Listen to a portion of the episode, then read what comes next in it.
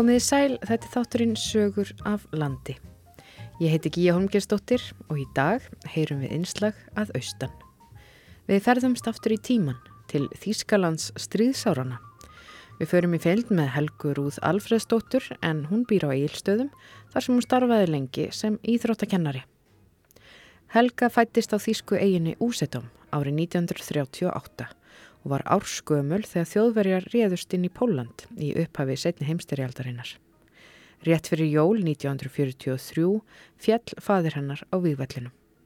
Hún var þá fimm ára gömul og þurfti að lokum að flýja frá eiginni fögru þar sem Hitler starrakti tilrunastöð með eldflögar. Í stríðinu sprengtu brettar svo heimili þeirra í loft upp og með móður sinni og fjölskyldu þurfti Helga að finna ný heimkynni við mikinn skort í austur Þýskalandi. Helga kynntist íslenskum manni sínum, Magnúsi Magnúsinni, þegar hún var við nám í Íþróttaháskóla í Leipzig, en hann var við tónlistanám í borginni. Saman fluttust þau til Íslands árið 1965 og byggu fyrstum sinn á Ólasferði. Rúnarsnær Reynsson hitti Helgu á aðvendunni árið 2019 en viðtali var frumflutt í sögum af landi þann 13. desember það ár. Þá var Helga við sína uppáhalds yðju að baka hefð þýska stollenbrauð fyrir jólinn.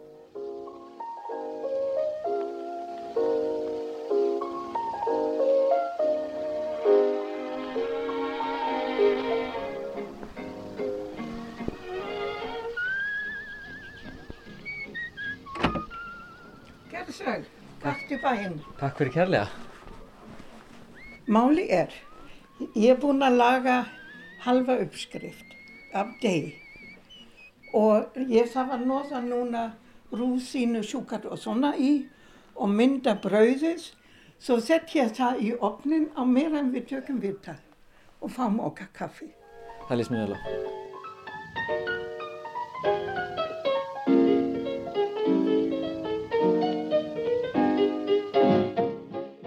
Stollen er gebrauð sem er ekki sætt, þetta ekki salgetisbrauð, heldur þetta næringaríkt brauð og hefur bakað í Þískaland síðan 14. öld í Sakslandi. Þá hérna er heimildi fyrir. Og við teljum þetta brauð að við formi á að líkast reyfabarnis og samt Jésu barnið. Þar upprunnan er í klaustrum og er eitthvað kirkilega hérna institutsjón en auðvitaðs hafa landeigandi og kastalaeigandi. Þeir hafa gefið sínum hjú og fáttænglingar sem sapnast oft í kringum svona stóru staðir Þeir fengið það líka um jólinn svo þeir gáttu metta sig um jólinn. Og þar er möndli inni og þess vegna á mann að baka þetta 14 dagar fyrr. Möndli gefur þetta svona gott bras. Það kemur svona kertna netubröð bras á bröðið. Svo eru rúsinu og kúrinu og sjúkat og oransat líka og núna í allsnakta sofalagi það bökum við stólinn með marzipanrulli í mýje. En ég sá það fyrst 1985. En sjúkat og oransat, kaupmenn kom frá Östurlöndi nær, þeir kom með þetta og þetta hafði bara ríka fólki eða kirkan. Kirkan var alltaf mjög rík. Stólinn er sexus huttak, er núna útbreytt en samskona brauðs verður til með spaka í örum svæðin en svo hjá Breim þá heitir það klabin eða klöpin og hjá heimaland svæði mitt það er Mecklenburg-Vorpommern þá verður þetta kalla strítsel og að því það voru ekki mikið rúsínu, það voru að nota neti og valmú til að setja inn í köku. Og mamma bakaði það og stólinn heit hann núna um allt í Þískaland.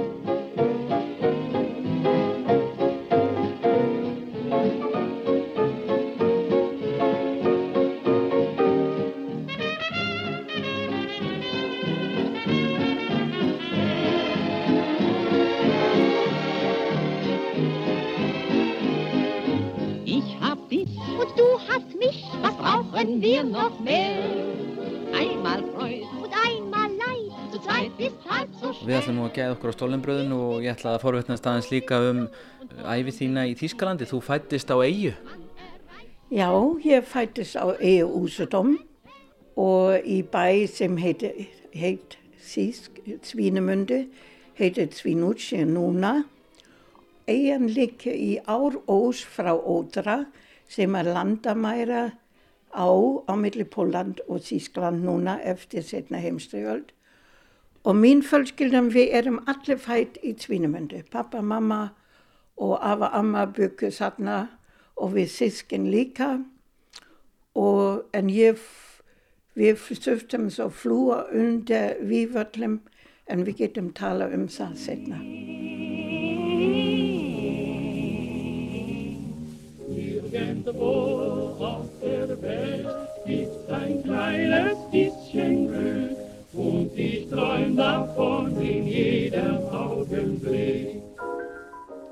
Já, ég er fætt 1938 sem sagt ár áðan stríði hefjast. Og ég var svo heppin þar ég bjór ekki í Stóruborg. Ég bjór á þessi eigi og á þessi eigi var tilraunastöð Hitlers að smíra eldflögu og pappa mín vann sem hérna byggingamestari í þessi tilraunastöð og hún var vel falin en við vorum líka tölvert afskekt að því til okkar mátti enginn komið heimsótt nema hafa leifi eða sækja um leifi. Ég hafði alveg indislega æski þarna. Við byggjum kannski 20-30 metri frá Baströnd, okkar heimili og mamma þegar hún var búin á móknarna og gott veður þá fórum við á Baströnd og vorum þar allan daginn, oft bara einn á ströndin og leiku okkur og fórum bara heim þegar hún þurfti að gera mat að því pappa kom heim klukkan sjö. Þetta var alveg draumaæski og hérna ég mann segja ég var pínu lítil barn. Það ég lá í rúmi mínu og það liggja lítil ei sem heitir Ói og það var viti á. Og hann kom svona á kvöldin þegar ég átti að sopna með jafna millibíl en í stríði var hann náttúrulega ekki. Þá var slögt á. Og ég verði að segja uh, hérna okkar staðin Karlshagen þetta var algjörlega eðurlagt í sprenga á rás. Það var kasta fosfor og við mistum allt, allt okkar heimli brann. En það var hótel sem er búin að byggja í sama götu það sem ég átti heima. Og þegar ég var 75 ára það tók ég mér fers og ég leiði mér svít og lá um kvöldi í rúmu og hafði á vitan. Þetta var svona til þess ég gæt slútt mína æsku, satna á þessi eiga.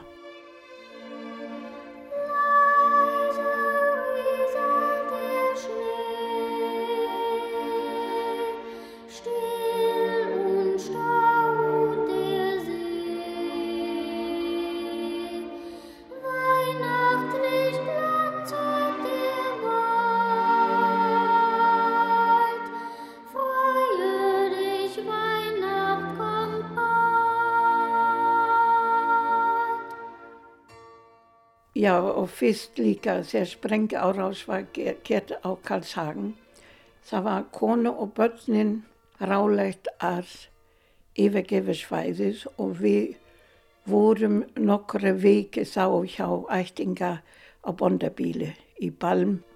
En ég mann mamma vakti okkur eitt kvöld og sagði, hófið þess á heiminin, núna okkar heimili að brenna.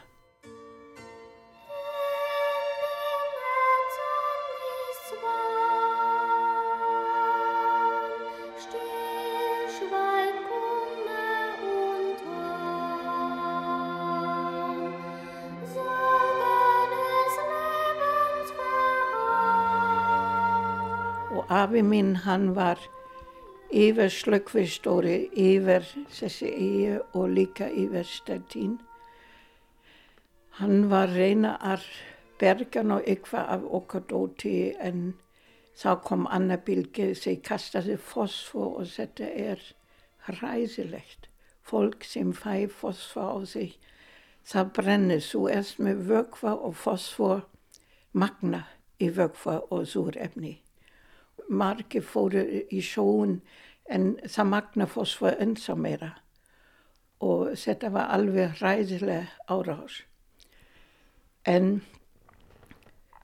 svo deg pappa minn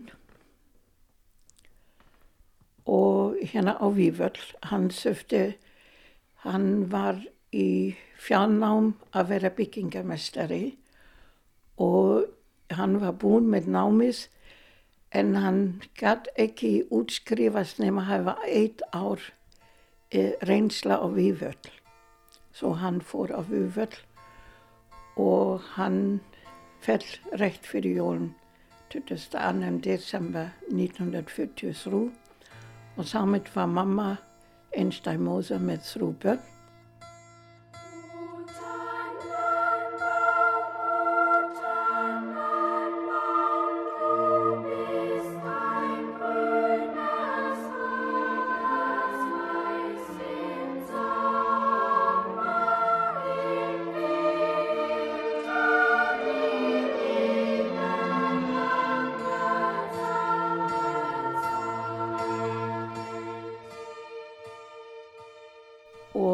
Við fluttum þá í annar bæ leiðum hjá kunningum tvæherbygge altså vi, vi hafði náttúrulega ekki neitt og þá fór ég líka í skólan.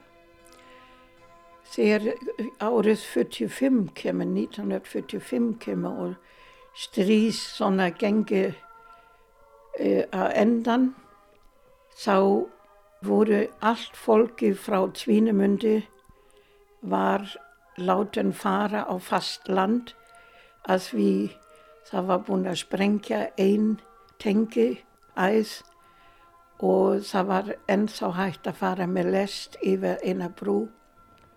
Og við fórum allir, báða ömmu mína, móðu, afi, mamma mín við þrú börnin og svo var hérna mákona mamma mín var líka með. Og þegar við vorum kom á festland, það geði breyta árás á þessi lest og allir sem skuta á lestin bara kom bara í, stifti sig bara nýru og skuta bara og allir löpu úr lestin og söfti að fela sig og við vorum með ákveðin verkaskipting. Sýsti mín var að passa bróðu mín sem var á annar ári þá. Nei, hann var þrija ári og ég þurfti að passa ömmu mín sem var blind og mamma var sá um pappa sín sem var kom næris við nýrætt og allir löpu enn þessi gáttu en ég gæti ekki löpu með ömmu. Svona ég fann bara næsta runna og við kúðum bara undir runnan, báða. Og ég fekk nokkla skömmi að því mamma var alveg frá ræsli, með ræsli, hvað hefur orðin af okkur. Og svo heldum við áfram og það sem man getur fara með lest normal yfir til Rostock og svo við ætlum fara til Visma sem satt með framstörnundin svona átt þrem tíma núna. Við vorum heila viki. Að við við söftum alveg fara inn í land. Það var búin að sprengja þessi lestu teinar þarna. En við komum svo til Visma. Og í Visma þar upplif ég eiginlega eina stóru sprengja á rás. Við byggum 300 meter frá kirkju og breyta komu og ætla hitta kortsílu sem voru geimslina sem standa við stóru húsin við höfnin. En hérin var búin að stípla töluvert mikil að tún til hliða við Visma. Og samt voru kirkuna voru hæstu bygginga og þeir eðlaði þarna þrú kirkir, algjörlega. Og líka þessi kirkir sem var okkar nálegt, hún fætt tvo sprengur og það ripna allt, það flögur dittna fóra að karmen, glerið, hérna við vorum náttúrulega með gifslofti, þetta rinda allt nýri og ég að passa um mig. Allir voru komið í kettla nema við og mamma var öska flýtauka og ég mann það var svona kringlaga stíga, við runnum bara á rassan nýra þessi stíga að við lofþristing er svo mikil. Og þarna í kettlara vorum við æla undantekinn senaste vikur til stríslokk. Warum sieht mich nur jedermann so zärtlich und so lächelnd an, als ob er ahnte, als ob er wüsste, was doch noch keiner wissen kann. Mein Herz hat Ég var með silfri frá fjölskyldi í skólatösku á bakkinni. Allatís og ég þurfti að passa það. Og af hverju var ákveðið að taka það með? Var það verðmætið sem gáttu nýst Þetta ykkur? er náttúrulega með verðmæti og þetta var fjölskyldi eigin líka. Við vorum bara annars með eina tösku með fött fyrir okkur. Amma mín hérna sem sagt, Mose, pappa míns, hún gekk tveisfall 300 kilometer aftur tilbaka í gegnum veglínu og sótti nú verðmæti úr hús. En senast það var Rauða Herin kom í bæinn og hennar uh, íbúhús var öryggisónustu gebú frá Rauða Herin inni og hún söfti nota kannski blas og það einu sem hún tók með þetta voru náttúrulega skjöl sem hún tók með sem hún hafði falin. Og hún fæði okkar frá eina vinkonu, hún bara alltaf tvo tösku ull til þess að hafa, að við hún taldi þetta væri mikilvægt til að hafa fyrir sínu barnabörnu. Og var Rauði herrin búin að búa um sig þarna í, í húsinu þá? Já, ég meine, auðvitað fóru þeir öll hús, húsin voru yfirgefin. En svo þegar stríðinu líkur þá tekur við eh, erfitt tímabil, það er skortur á öllum hlutum. Ja, så getur þér nú hugsa árið 1945 og kannski líka 44 þá var lítil rækta í landbúna og það sem výlínu fór yfir austu og vestu vestpröysen þetta voru fóðakistu frá Þískaland með mikið landbúna og líka Mecklenburg fópoma er mikið landbúna. Hesta voru tekin í strís og fólk flýði líka og mataskorti var náttúrulega mikil mikil verðmæti að húsnæði var búin að eðilegja og líka menninga eins og kirkina þeir eru frá 14. öld. Þessi góðisku baksteinkirke og það þurfti koma allt þetta fólk sem koma austan það þurfti koma þar í húsnæði. Og við vorum svo heppin við, við lifðum hjá sýstu mömmu mína vorum saman ein lítil herbygge en hérna mamma gerir svo kennara og þá fluttum við út í Sveit að við hún hafði þekking pappa hennar var mjög góði gaðrygge maður og hún hafði lægt líka á landbúna skóla så hún sekti jöftu og við lesum æle fyrstu tvö árum eftir stríði á landsins gæðin.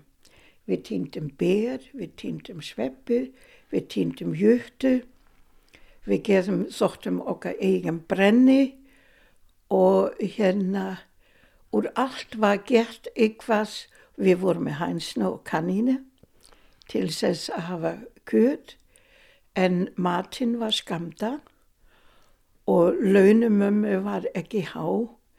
Ef hún vildi kaupa eitt brauð á svartamakkan, það var það eitt mánadlaun og þetta voru 230 mörg.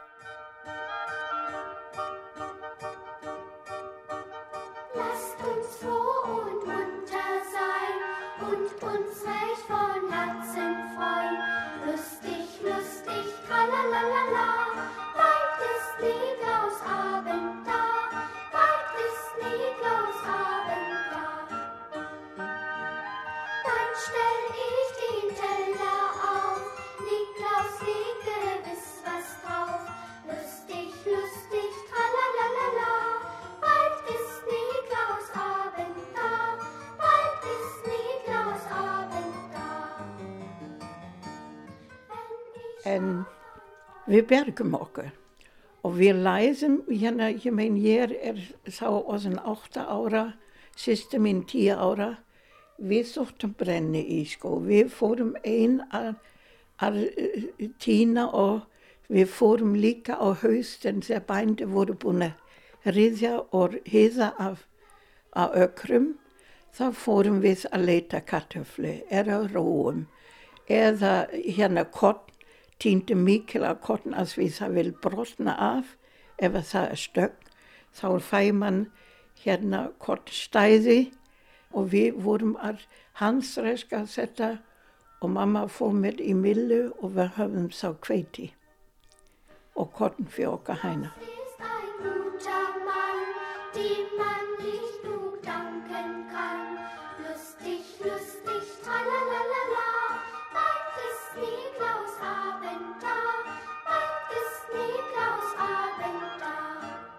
Já, hvernig heldur þið jólinn við þessar aðstæður?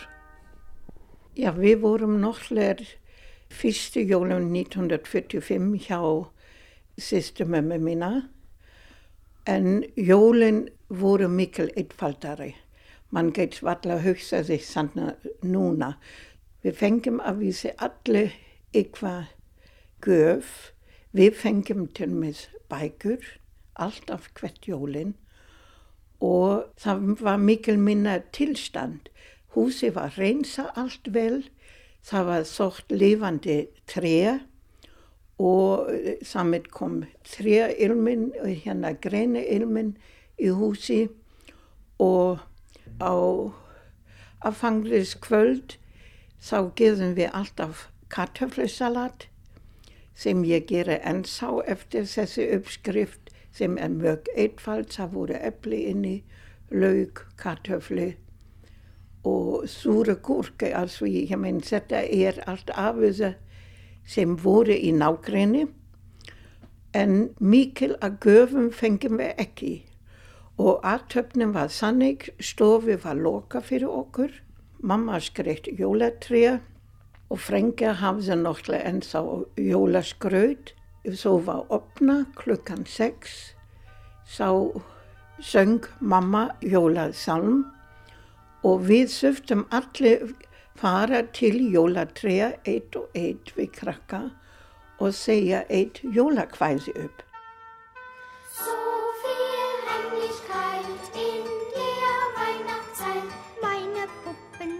Verschwunden, hab nicht mal den Bär gefunden. So viel Heimlichkeit in der Weihnachtszeit. Við sungum okkar jólalög og það var sungun á kvöldis. Saman bara allt fjölskyldi og á meðan var ekkert gert annað. Við vorum bara fein sem við vorum lifandi og gáttum vera saman svo restin af fjölskyldinni. En var ykkur ekki hugsa til pappi ykkar? Auðvitað var, ég veit, meira að segja árum setna þegar ég kom tveim dögum fyrir jólinn heim og, og hérna þetta var dánadaga pappa minns, mamma greið sá en sá. Ég mein og hún giftist líka aldrei aftur og það var oft minnst á það í jólaunderbúning, einmitt þetta var dánadagi pappa minns. En við söftum náttúrulega að lifa áfram og einmitt að flytja út í Sveitsá þá var líka afvöðu mikil lektari að ná í afvöðu að því það vaksa neti í skó og það vaksa tre allstaðar með eplum hérna með framgötum og við vorum með epli í gazen og við fengum bara kannski eitt epli og við vorum ána með það. Öðruvísi en núna kaupir man halvgett í kössum. Oh, es riecht gut, oh, es riecht fein. Heute rühren wir Teig zu Plätzchen ein. In der Küche wird gebacken, helft nur alle Mandeln knacken. Oh,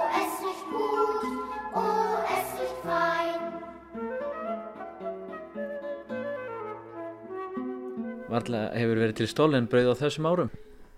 Jú, jú, það var stollen en ég man í fyrsta stollen 1945 ég minni það voru kartöflinni. Þannig að þið hefði einhvern veginn náða að drýja stólinnbrauði með, með kartöflum. Já, það var með kartöflumöl og, og með kartöflin, já.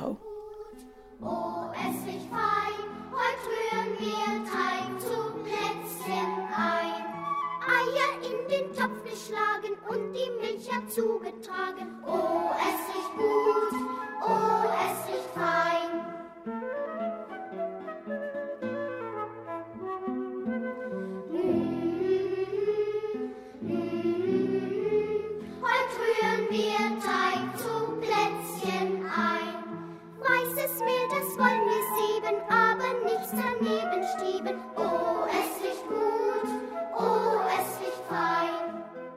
En er ekki margir áhuga samir um þetta? Hefur þú verið að miðla þinni þekking á þessum bakstri? Já, já, að vísi verður mann segja hver fjölskyldi hefur sín lindamál inn í kringum stólinn og það er ekki endilegt hvað er inn í stólinn heldur í hvað skrefin mann gera deg og e, þetta er í gætla, þeir þurf alltaf að lyfta sig, hvað stóru og smá, er smáu skref mann tekið, þetta er lindamál, ælega. Með degi sjálft, hvernig það er útbúið? hvernig degi er útbúið. Já, það er það. Man flýtir sig ekki. Man nýtir þetta að gera þetta brauð og gefa sig tíma að því degi þarf inn á milli alltaf hefja sig aftur. Þegar man nóða það, þá pressa man þetta aftur saman, slæja vel pínu lofti í. Það þarf alltaf fá reyfing á deg og það þarf að hefja sig. Og þá hefur man tíma á milli og þegar man er vel undirbúin, þá eh, hérna hefur man líka tíma og nýtir það. O Tannenbaum, o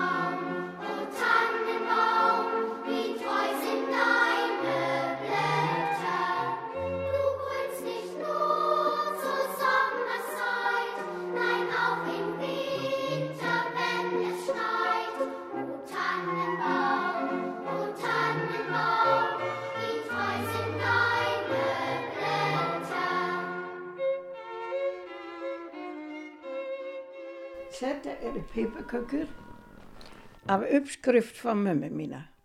Og man lagar deg, það, það er náttúrulega sírup inni, er mikið líka hönung, als við í Þískaland er náttúrulega mikið af bíflugum, við höfum hönung, en við höfum líka sírup, als við, við rættum sikirói og því verður sjóða hérna sírup og så leiter hérna, man sjóði það pínu nýri, svo þetta er svona pínu sitt. Og man lagar deg og læta hann líka fyrst eina viku á bekknum, áður man baka hann. Og líka þar er pínu möndlu og súkat inni. En þú smakka bara. Þegar man setja rakstykki inn í kassan sem man gemur í smá tíma, þá verður þið linn. Að því þetta baka með pottaska og ég þarf að kaupa þetta alltaf eh, frá Þískaland. Ég fæ þetta ekki hér. Þessu er baka með pottösku. Já, þetta er sérstak lyftidöft en svo uh, um, við höfum uh, natron og við höfum hjartasalt. Við notum það líka. En pottaska verður að nota, uh, ég þurfti að fletta upp ef þú vilst hafa nákvæmlega kemisk samsetning. Einmitt. Það eru mjög góðar og öðruvísi heldur en þessar piparkókur sem við erum að baka hérna. Já, það er ekki svo mikil sigur inn í og ég baka líka með brúnan sigur. Alveg, ég er með rásigur, ég kaupa ekki brúna heldur rásigur.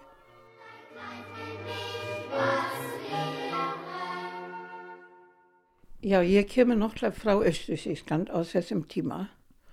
Ég held snæði sig mig uh, og væntinga til þess hvað mann fæ um jólinn, um jólagafi, var mikil minna í Östursískland, þá var det DDR. Uh, við unnum allir sangar til nærsvið seneste dag fyrir jólinn og það var stollen og var kannski ein eller tvei tegende smáköku. Jú, við getum hreint og allir hafði sparifött til þess að gera dagamun. En þegar ég kom til Íslands og sá þar íbúð verða að mála og það söftum að baka og konuna voru Jesus yfir þar ég var ekki sauma jólakjól á dóttur mína sem ég svo afvísa að síðan geði að því allir geði það. En mér fannst þetta mjög yfirdrifin og eiginlega þessi tíman sem við höfðum með að sitja með kaffibotla, lusta á góða tónlist, borða eina stollinsnei að því við borðum stollin alla adventstíma, ekki bara um jólinn. Og mann þarf að líka hugsa til þess, alls næsta sófélagi, þetta er svo yfirþymandi. Og hérna, ég saknaði þegar ég kom til Íslands, netu og epli, eplalichten sem var, við bökusum alltaf epli, heita epli í opnin og ég saknaði þetta þegar ég kom til Íslands. Andin var líka, það mann þarf fyrst að vinna til að fá mat, vegna þess það var ekki til, það þurfti fyrst reynsa rústina eftir stríði og byggja upp. Man gæt ekki lagt hendur bara í skaut.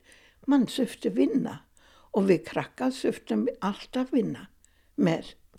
Það var náttúrulega lítil hægt að fá. Man geði sig dagamun í mat og að því við vorum líka selva setna með dýrin þá sláttum við bara eitt af okkar kaninum og það var þá jólamatinn. Við vorum að vísa svona pukras fyrir jólinn. Hver gerði eitthvað smávið til þess að gleðja hérna annan í fjölskyldinni. Og ég veit náttúrulega mamma, hún vakti lengi fyrir jólinn alltaf að því hún var að próna alltaf peysa á okkur. Og það var öllin sem amma mín hafði borin uh, í gegnum við línan. Þegar það þraut, það var náttúrulega gert uh, rekja tvæ peysa upp og gera einn nýjan. En svo gerist það í daginn að, að það er eiginlega ákveðið að þú farir í íþróttaskóla. Já, það er nú miklu segna. Ég ætla nú að segja ég, uh, við vorum tvö ár í þessum bæ sem var ekki inn í sína ramagn. Við kynntum bara hvert herbyggi fyrir sig og við sváum aldrei í heita herbyggi. Við vorum alltaf sofa í kaldum herbyggjum. Þá tekið mamma stöðu í annað þorp og þar var fyrir kennari tilbúin embætishús. Það var eiginlega ein íbúr en þetta var orðin skipt líka í tvo íbúsi og það var kennslistofan og það var hlöðu og það var aðstóður til að hafa bæði stórgripi en líka smá. Og það vorum við þá alltaf með mikið meira hæna og kaninu og end og við vorum með geit til að hafa mjölk og á þessum árum uppgördist líka ég var með berkla að vísa ekki smitandi en ég var með sjálfa smitað og ég við þurftum fara eldri bekkuna í nágranna sorp á hvegin móknin, þrjú kilometer á móknin og þrjú aftur tilbaka og lækna lasist á móti og þá las ég heilan veti bara einn heima. Avisa hafði ég nokkla góða aðs, ég hafði kennari í heimanús. En það læði ég mikil um gaðvíkir, við þurftum að vinna frá mognin 8 til 12 og þar á eftir máttum við leika nema við þurftum að fara með geiti, láta hana býta og eitt ár vonum við með stork í fostri, það þurftum við týna folska og koma með mathanda kaninum heim. En þetta voru æðislega tíma. Það hafði hver sem tre sem hann gætt fara upp með bók að lesa að við gera allen upp með mikil tónlist, með mikil að bókum. Mamma var alltaf fræða okkur um allt og hún kenti okkur svo þú erst ung, það þarfst þú taka ábyrð á fjölskyldi og sem sagt á litla samfélagi. Setna höfðum við að vísa pína aðstóðs og í tólf ára fór ég þá í stæriskólan til Visma að við þá hérna voru skólanar lagt saman og hérna okkar skólan var lagt niður, mamma skólan var áfram en við, þá hefði ég þurft að lappa í hvert einn hérna 12 kilometer og ég þurfti að taka lísa á þessum tíma. Ég fekk lísa alltaf. Og það hjálpaði þér að ná þér að berglónum? Já, og þegar ég var 15 ára, þá uh, fekk ég útskuð þar hérna, nú þurfti ég ekki koma í gegni lýsing alveg reglulega hérna fjórið sinnum ári. Það sést engin merki lengri og þá fór ég til okkar heimilisleiknir og let gefa mér vortu það ég mástu stunda ísóti. Så ég öfandi sýstu mín Mikkel þá hún var að stunda ísóti.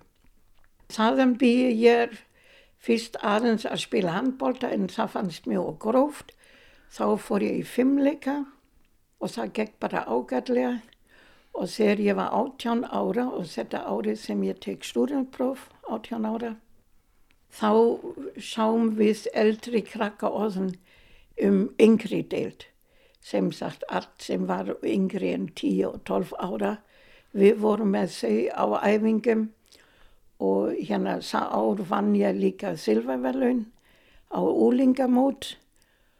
Í Þískaland voru í svona félögum, það voru alltaf vekkalistfélögum voru á bakvið og þau komu og voru skoða hvað var gert hjá okkar í félagi og þau sá okkar á æfingu. Og svo hýttu þau mig á tilvægum ég var að bera upp kól og brenni fyrir mömmu á skurstu og hún var vekkalið fyrir kennari og spurði mig hvað ég ætla að gera og ég sagði ég ætla að vera kennari og ég ætla að hafa efnafræði og ísóti sem kennsligrein. Nei, sagði þið, þú férst á okkar besti ísótarskólan og ég var ægilega send en ég sótti svo um líka, mér fannst rektast að taka intökupróf og ég fór þá í fjöga ári í þessi ísótarháskóla í Leipzig og var strax fimm ár þar á eftir kennari. Ég var tekinn strax sem kennari í háskóla. Hvernig kom það til að, að þú tengdist í Íslandi? Já, skulum að segja, ég er náttúrulega norræn og tel mér norræn af komandi vikenga að við á eiginni þar eru tvo sóflokkar sem hafa árif og móta þetta fólk sem bísana. Það voru vikingar sem kom yfir Íslasalt og kom náttúrulega í ár ós með bátana og þar eru uppgröfti sína það sem hafa verið á úsudom. En svo komið slafa líka frá Rúsland yfir og þetta blandast og ég tel þetta mjög fínt blöndu. Og já, ég var også kennari í Ísóttaháskólan og var með heimsótt og við fórum í bíó og þá sagði einn að ég vil ekki fá okkar bjór. Og við gefum það, við fórum í Ábarskeller sem er sekt krá í Makastorg í hérna Leipzig. Faust hafa riðið þar á tunnu. Goethe hefur það sín höfmynd sem hann skrifaði fræði leikrit Faust. Og það sátu nokkru stráka við borð og það voru sæti laus og við settumst það. Og ég setti Ingimar Jónsson. Hann var nefandi á Ísotaháskóla þá. Og ég var búin að heyra 1952 um Haldur Lagsnes og Atomstöðun. Var búin að lesa Atomstöðun og Salka Valka og jú, jú, mann vissi hérna Draumaland Túli, það var það fyrir Norðri og við komum svo spjalla saman og þannig kynntist ég Magnús á krá.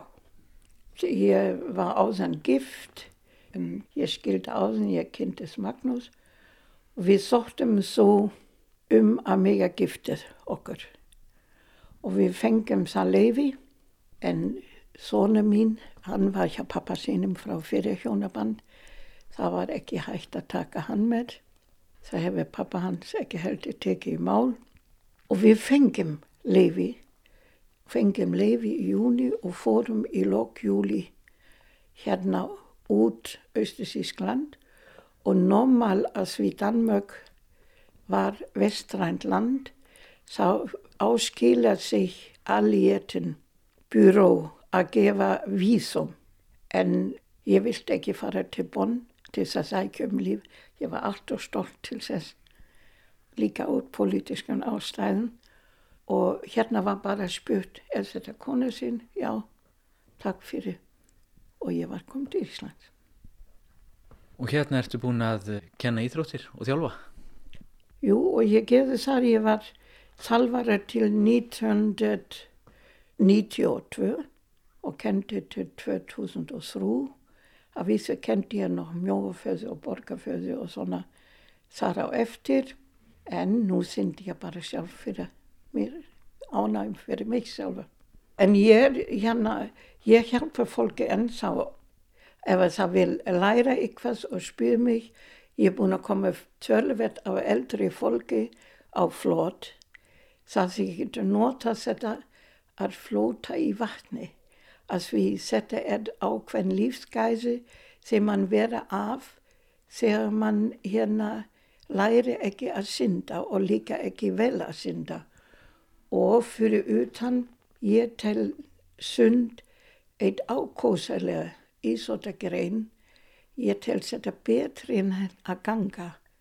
Að við, það er engin álag á stofkerfið sitt og stofkerfið okkar mömmen, nýr og fæti, þeir gefa sig fyrst og hérna í vatnin skipta það engi máli og ég er áslegt öllu eldri fólki að synda baksund að við þar er engin vandamál með hérna öndin og synda skrísund að við þessi bringesundsreyfing hún er ekki góð fyrir nýr ég er með slæmið nýr vegna þess ég hef kent þetta svo lengi og það er líka ekki gott fyrir baki. En í baksund það liggja þú alveg afslappa á baki og þetta hefur gott áhrif á taugakerfi og náttúrulega á allt stafsemi líkamanns blóðrásun. Öndina, svo aga öndin alveg ofsalega vel til. Ég finnst þetta mjög gott. Já, ég var náttúrulega yfir þráttíu fimm ára kennari og ég man ég hefði farið í skóla hérna inni sín ég var beðin að tala um stríðis og það hefði ég sagt þeim hvar veri eitt mikil í stríðstól og hvað vondi afleiðinga þetta hefði fyrir almenninga borgari og fyrir börnin. Ég gleymi stríðsárun aldrei og ég oska engum bann að upplifa það svo ég tel mig ennþá verið heppin að hafa komið í gegnum stríðsáren án þess að skadast líkamlega að upplifa svona.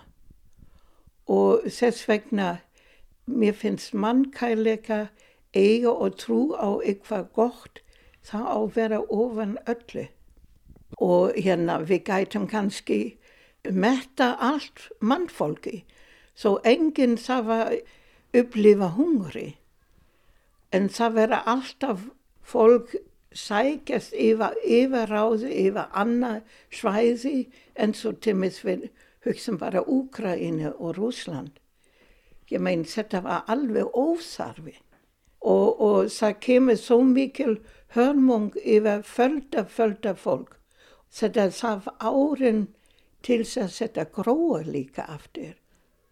Og núna í Sýrland sem Tyrkland henni með bara svæði að því það er eitthvað fólk, hirðafólk, kurinn sem síðan 1900 reyna að stopna sin egen land, alltaf verið það lofa. Þetta er frisamlega sós, en að því Tyrka vilja ráða yfir þeim, þá verður stopna til strís. Og þetta finnst mér alveg hörmulegt. Ég þakka þið kjærlega fyrir spjallið og við kannski bjóðum hlustundum bara uh, gleðileg jól. Ja, gleðileg jól und wir in Deutschland sagen frohe Weihnachten.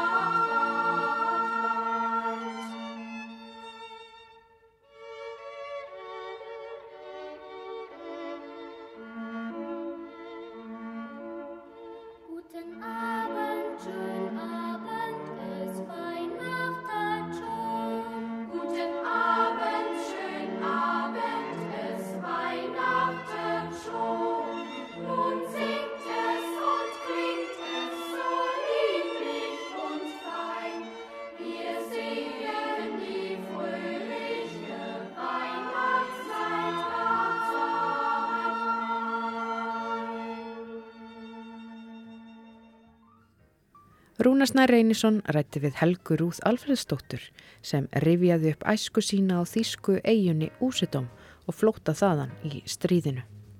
Viðtalið var frumflutt í sögum af landi þann 13. desember 2019. Og þá er komið að lokum hjá okkur í dag.